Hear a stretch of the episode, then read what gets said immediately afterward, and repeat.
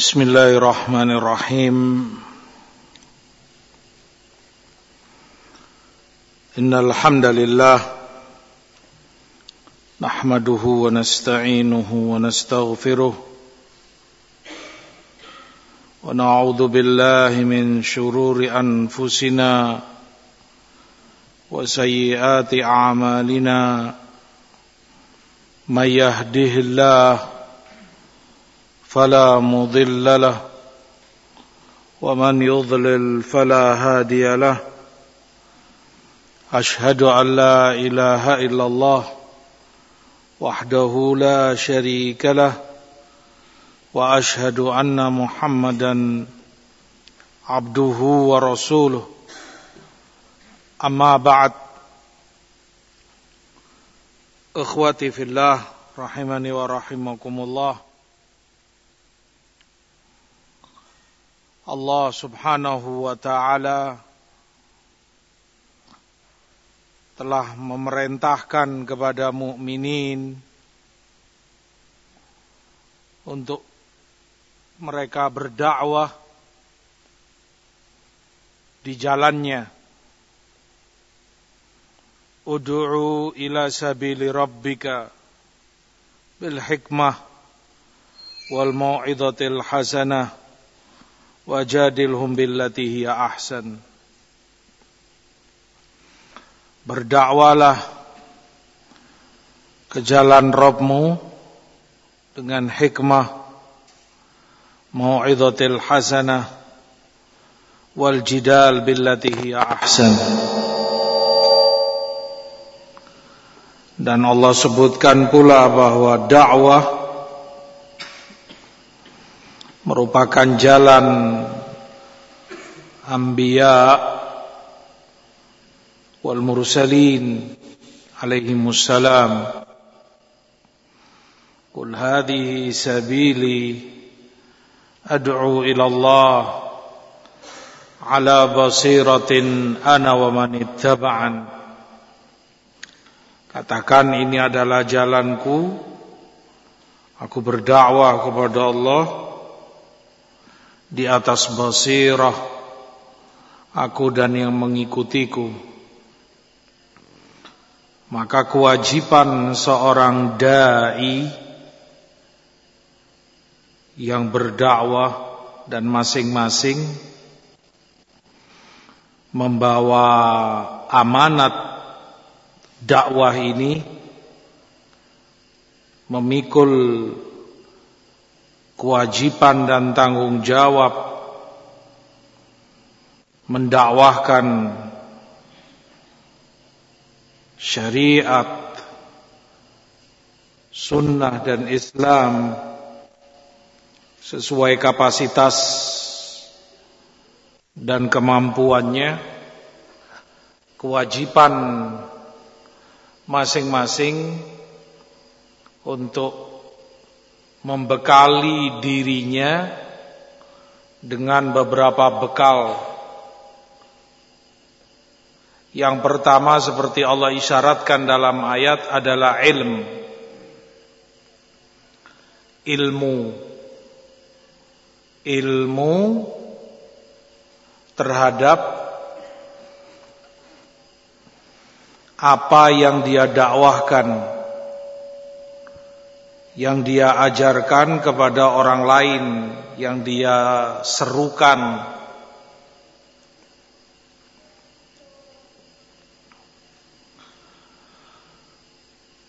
Oleh karenanya orang yang jahil tidak memiliki ilmu la yasluh tidak bisa dan tidak boleh menjadi seorang dai dakwah fi sabilillah. Ad'u ila Allah ala basirah.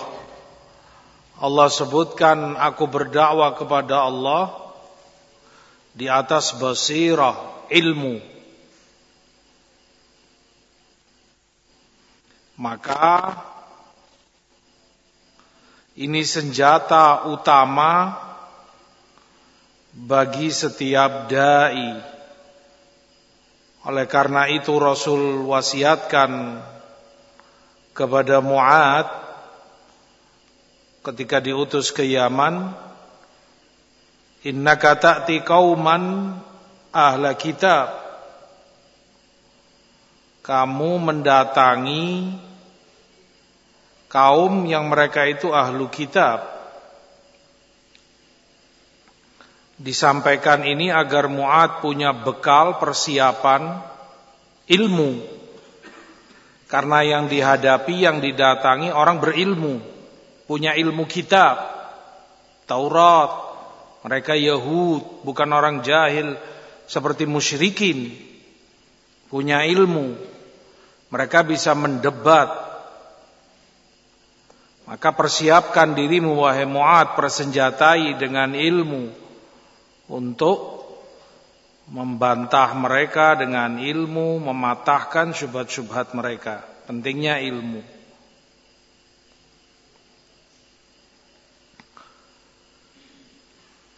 Oleh karena itu, setiap dakwah yang tidak berdasarkan ilmu fasyilah pastilah dakwah itu akan sia-sia, akan tumpul dan layu sebelum dia berkembang bahkan. Dan tidak akan membuahkan hasil yang bermanfaat, barokah. Kalaupun mereka kira membawa hasil, semu dikira ada orang yang terpengaruh, orang yang jadi tobat, jadi baik. Itu semua semu. Tidak ada barokahnya, tidak ada manfaatnya. Wah, masing-masing dari kita menjalani persiapan dan perbekalan ilmu. Oleh karenanya antum duduk di ma'had ini belajar yata'allam yasma' wa yaktub wa yadrus wa yusammi' semua itu dalam rangka ilmu agar punya bekal cukup dalam dakwah ke jalan Allah Subhanahu wa taala. Jika ini bekal yang pertama, maka bekal yang kedua terkait dan sangat erat hubungannya adalah ikhlas lillah keikhlasan niat, keikhlasan hati. Apa pemicu pertama untuk kamu berbuat, beramal, berbicara, berdakwah? Kemudian ketika kamu berbuat, ketika kamu berdakwah, apa yang kamu inginkan? Tendensi apa yang kamu ada dalam lubuk hatimu terdalam dan Allah Maha tahu.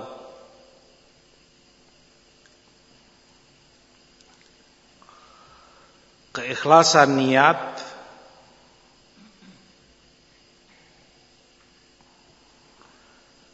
ini merupakan perintah Allah kepada hambanya semua wa ma umiru illa liya'budullah. Mukhlisina lahuddin. Tidaklah mereka diperintah kecuali untuk mengikhlaskan niatnya untuk Allah semata. Hanya itu perintah Allah tujuan utama Allah ciptakan jin dan manusia serta alam semesta semua ini.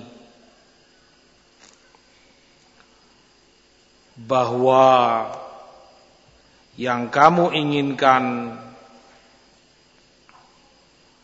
dalam dakwahmu dan itu dalam segala amal perbuatan dan tindak tanduk sehari-hari kita hanyalah wajhullah la nuridu minkum jazaan wala syukura kami tidak inginkan dari kalian balasan tidak pula kami inginkan dari kalian syukura. Yang kami harapkan hanya ridha Allah dan pahala di sisinya subhanahu wa ta'ala. Keikhlasan ini yang akan membuahkan pahala dan kebaikan bagi setiap hamba. Membuat dirinya selalu dalam amal saleh dan istiqamah. Membuat dirinya istiqamah ala taatillah. Nasallallahu min fadli. Ketika hilang keikhlasan ini dari kalbu maka seorang hamba terancam.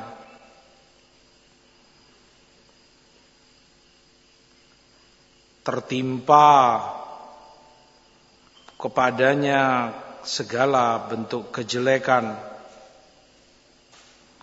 Para ulama salaf sebutkan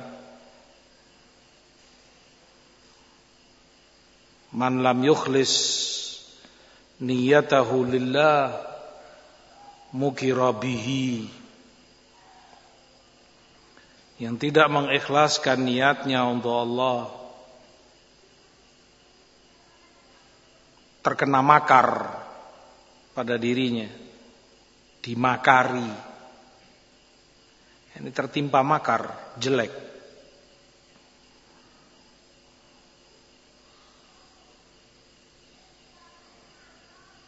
Salah satu sebab terbesar penyimpangan dan ketergelinciran seorang hamba adamul ikhlas tidak ikhlasnya seseorang dalam amal ibadahnya menumpuk menumpuk ketidakikhlasan itu pada dirinya terakumulasi sekian lama, tiba-tiba saja kamu dapati seseorang itu sudah terlalu jauh dalam penyimpangannya.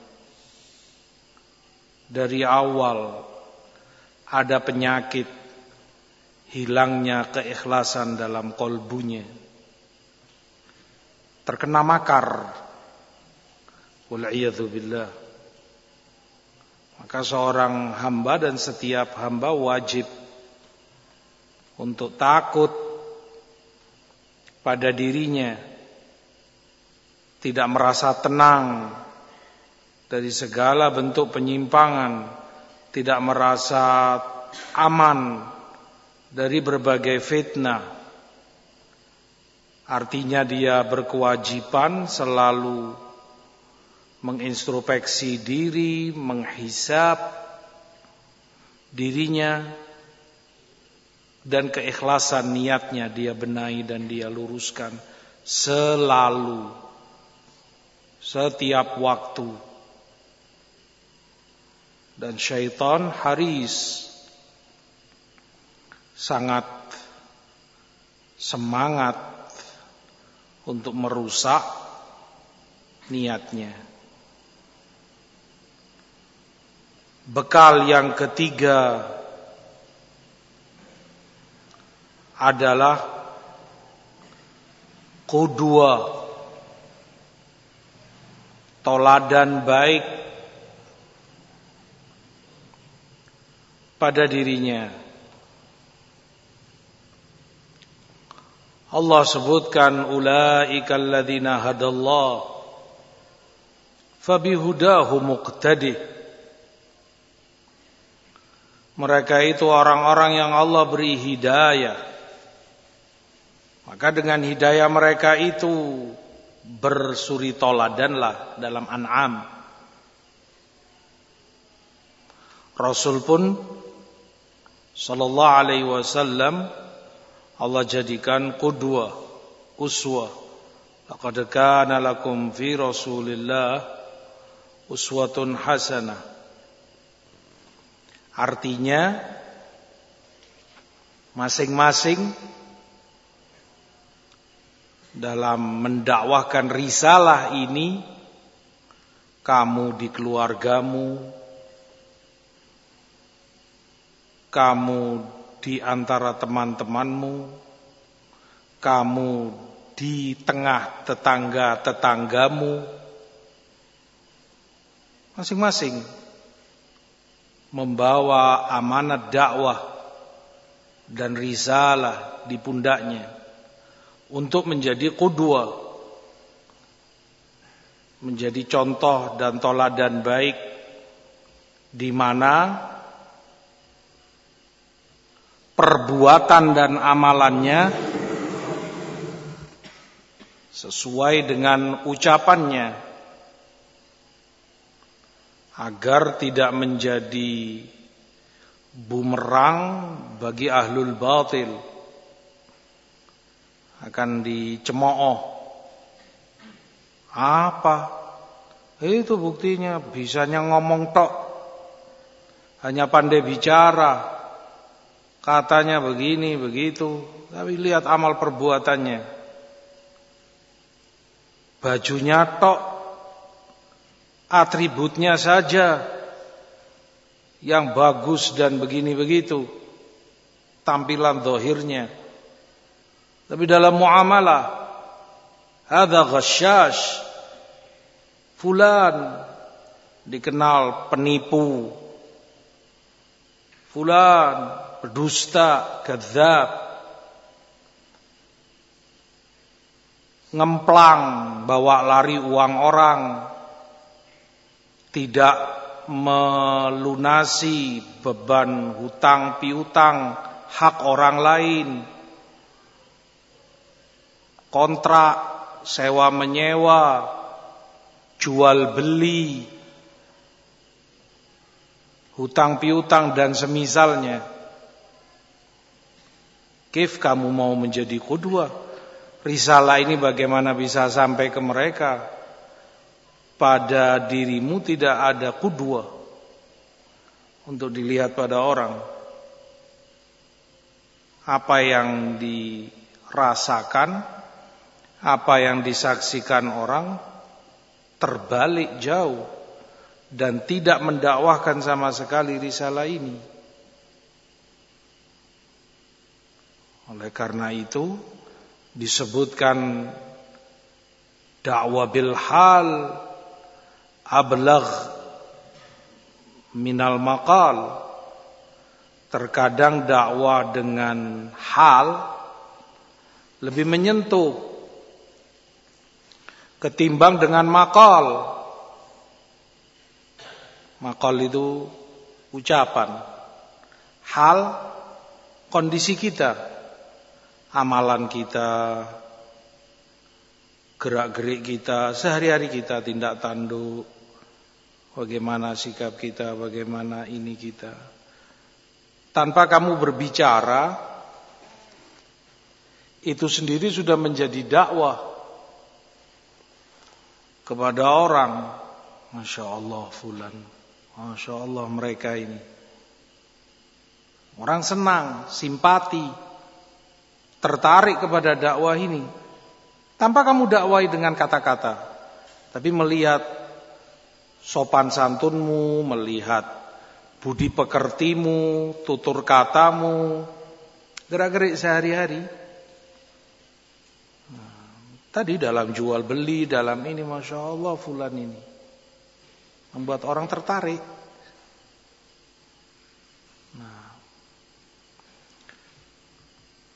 Oleh sebab itu bekal kudua pada diri seorang dai sangat besar penting dan pengaruhnya.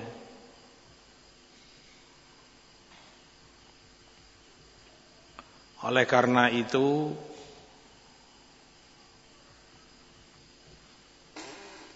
Allah mencela Yahud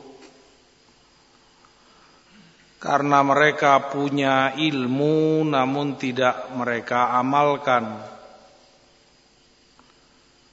Mathalul ladzina hummilut Taurat thumma lam yahmiluha kamathalil himar yahmilu asfara bi'sa mathalul qaumil ladzina kadzdzabu biayatillah. Permisalan mereka seperti himar keledai yang dipikulkan di punggungnya kitab-kitab zaman dulu alat transportasi dan tunggangan keledai salah satunya untuk membawa ini buku-buku ditunggangkan dipikulkan di punggung keledai ini. Berat tanpa tahu keledai ini isinya apa dan bagaimana dia mau mengamalkannya keledai himar nggak ngerti apa-apa. Dicela oleh Allah.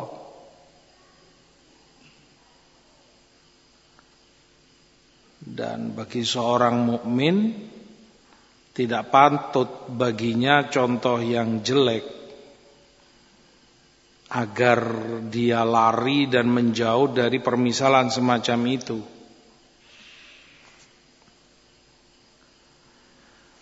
Diamalkan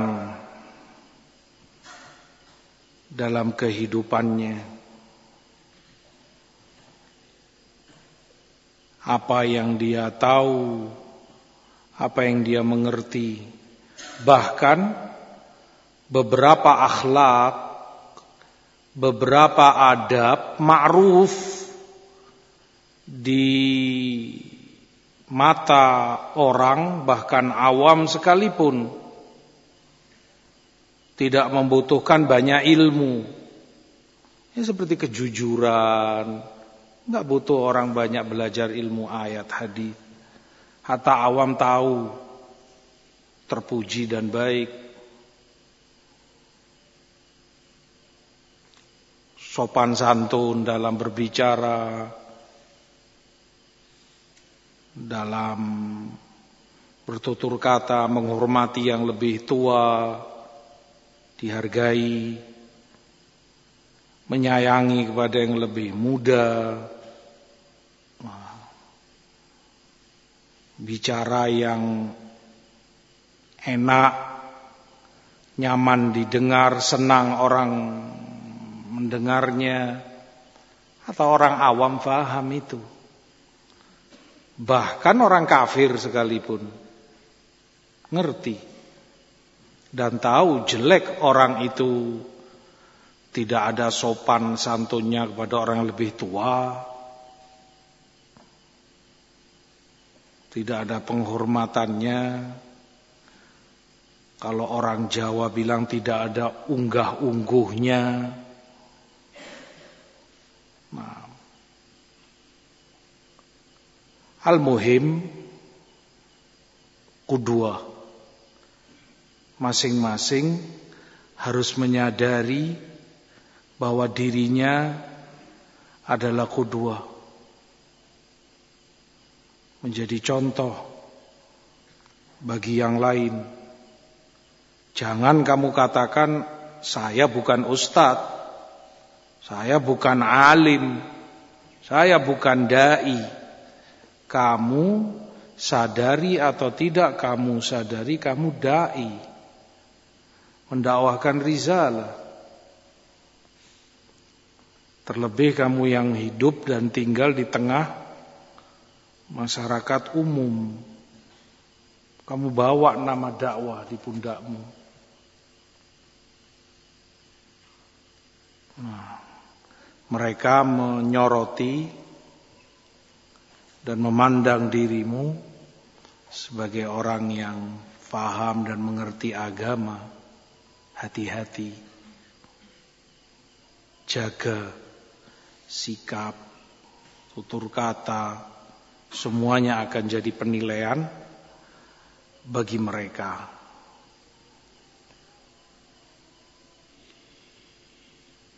Yang keempat, dalam bekal dakwah seorang dai harus mengerti skala prioritas mengedepankan yang lebih penting dari yang penting. Tentunya ini menuntut adanya ilmu syar'i. Karena ukuran barometer mana yang lebih penting bahwa ini lebih dari yang ini maslahatnya lebih besar dari yang itu butuh bimbingan ilmu bukan dengan nafsu dan kemauan masing-masing. Dan itu penting bahkan dalam kehidupan berumah tangga. Sehingga seorang suami tahu mana yang lebih penting mana yang penting, mana yang bisa dia tolilir, mana yang tidak bisa dan tidak boleh dia tolerir dari kesalahan istrinya atau anak-anaknya. Dengan apa kamu mengukur semua itu? Ilmu. Allah sebutkan tentang Rasulnya ketika ada permasalahan dengan beberapa istri beliau sallallahu alaihi wasallam wa radhiyallahu anhunna. Falamma nabba'at bihi wa adharahu Allah alaihi arrafa ba'dahu wa a'rada an ba'd. Sebagiannya diungkap oleh Rasul Sebagiannya Rasul berpaling darinya, ini tidak dianggap. Ada kesalahan yang nggak dianggap, dibiarkan sudah. Anggap sesuatu yang nggak terjadi.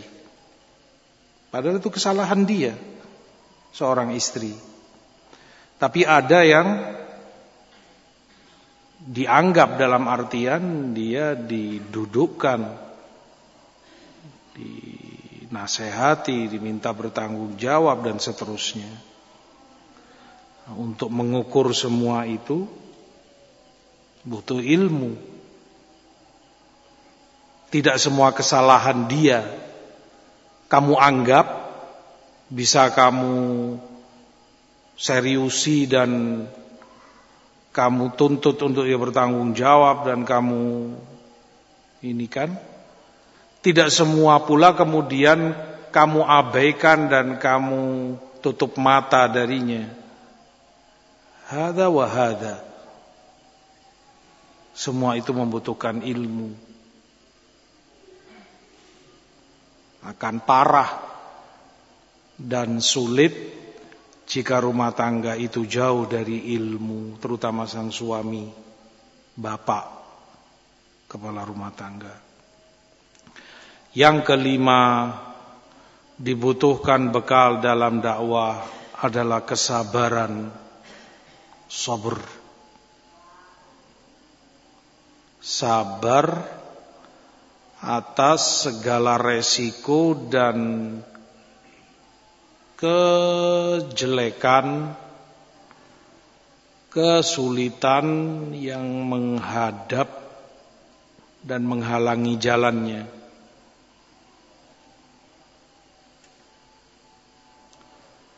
Walaqad kudzibat rusulun min qablika fasabaru ala ma kudzibu wa udhu hatta atahum nasruna.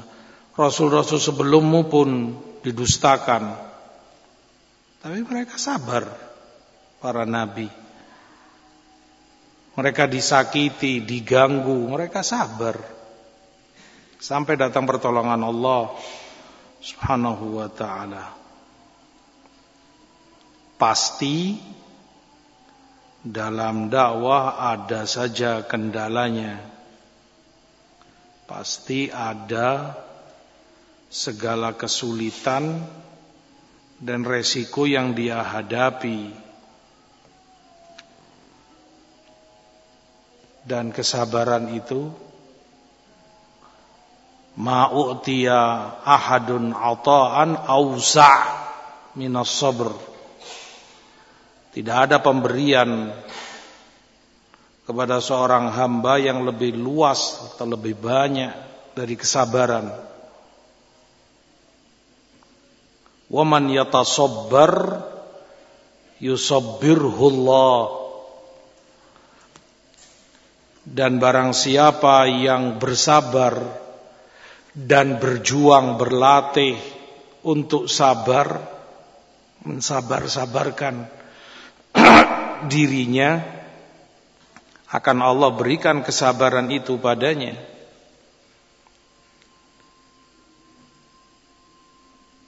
Begitu penting dan mulianya akhlak kesabaran atau sifat kesabaran yang hampir punah, hampir hilang, sirna tidak ada kesabaran satu kepada yang lain. Yang ini spontan, bayar, kontan jika mendengar sesuatu yang dia anggap menyakiti dirinya, langsung dibayar kontan di depan. Enggak ada kesabarannya. Padahal termasuk akhlak mulia tahammul, tahammulul adha. Memikul adha, gangguan. Artinya mungkin kamu terganggu, sakit hati, tersinggung. Justru bentuk dari akhlak mulia kamu pikul. Kamu pikul artinya kamu tahan, kamu sabar. Mungkin dia canda, mungkin berlebihan, saudaramu mungkin nggak sengaja atau keceplosan ini itu. Is kamu pikul, kamu sabar-sabarkan dirimu. Sober. Sebagian yang lain nggak ada kesabarannya atas kekeliruan dan kesalahan saudaranya, bersetru berhari-hari ini itu. la salam wala kalam karena tidak ada kesabarannya. Kalau ditanya kenapa, lah dia bicara katanya aku begini begitu, lah dia berbuat begini, kebanyakan juga seringnya kesimpulan-kesimpulan instan yang ternyata salah. Oh lah tak kira begini. Oh, anak nggak paham lah. Antum waktu itu begini ya. Anak anggap begini. Kesimpulan begitu gampangnya. Venus sober. Di mana kesabaranmu? Maafi sober. Yang satu begitu. Mungkin dengar satu dua patah kata dari saudaranya atau mungkin sikap dan perbuatan yang menyinggung perasaannya kemudian hilang kemesraannya kepada saudaranya, hilang candarianya dengan saudaranya. Mafi sober. Begitu tipisnya nilai kesabaran. Bukan demikian para ulama salaf. Sober. Menuntut orang itu besar dadanya, lapang. Selama kamu tahu saudaramu mencintaimu karena Allah dan di antara kalian ada cinta karena Allah. Tapi begitulah manusia namanya, kadang ada khilaf, ada kekeliruan, ketergelinciran, sabar. Makanya dikatakan oleh Umar wajadna ahla aishina bis sabr kami mendapati paling manisnya hidup kami ini dengan kesabaran. Seperti kata Imam Syafi'i rahimahullah, as-sabr kasibr. Dia seperti sibr. Sibr itu jadam. Jadam hitam itu pahit sekali. Kalau jadam kamu jilat ini pahitnya minta ampun. Kamu cium saja aromanya sudah pahit masuk ke tenggorokan, belum dirasakan. Itu jadam. Seperti itulah kesabaran. Ya emang gak enak, ya itulah sabar. Yang tidak ada kesabarannya bagaimana mau mendakwahkan risalah ini? Sebentar dicela orang, sebentar difitnah, sebentar didustakan, sebentar akan dikata-katai, sebentar akan disakiti, sebentar ah, kata. Tidak ada senjata lain dan bekal lain kecuali sober. Fa wa iyyakum lima yuhibbu wa. Itu mungkin beberapa bekal yang penting bagi seseorang dalam dakwah wa sallallahu ala nabina Muhammad wa faqanallahu wa iyyakum lima yuhibbu wa yarda wa salatu wa salam ala rasulillah walhamdulillahi rabbil alamin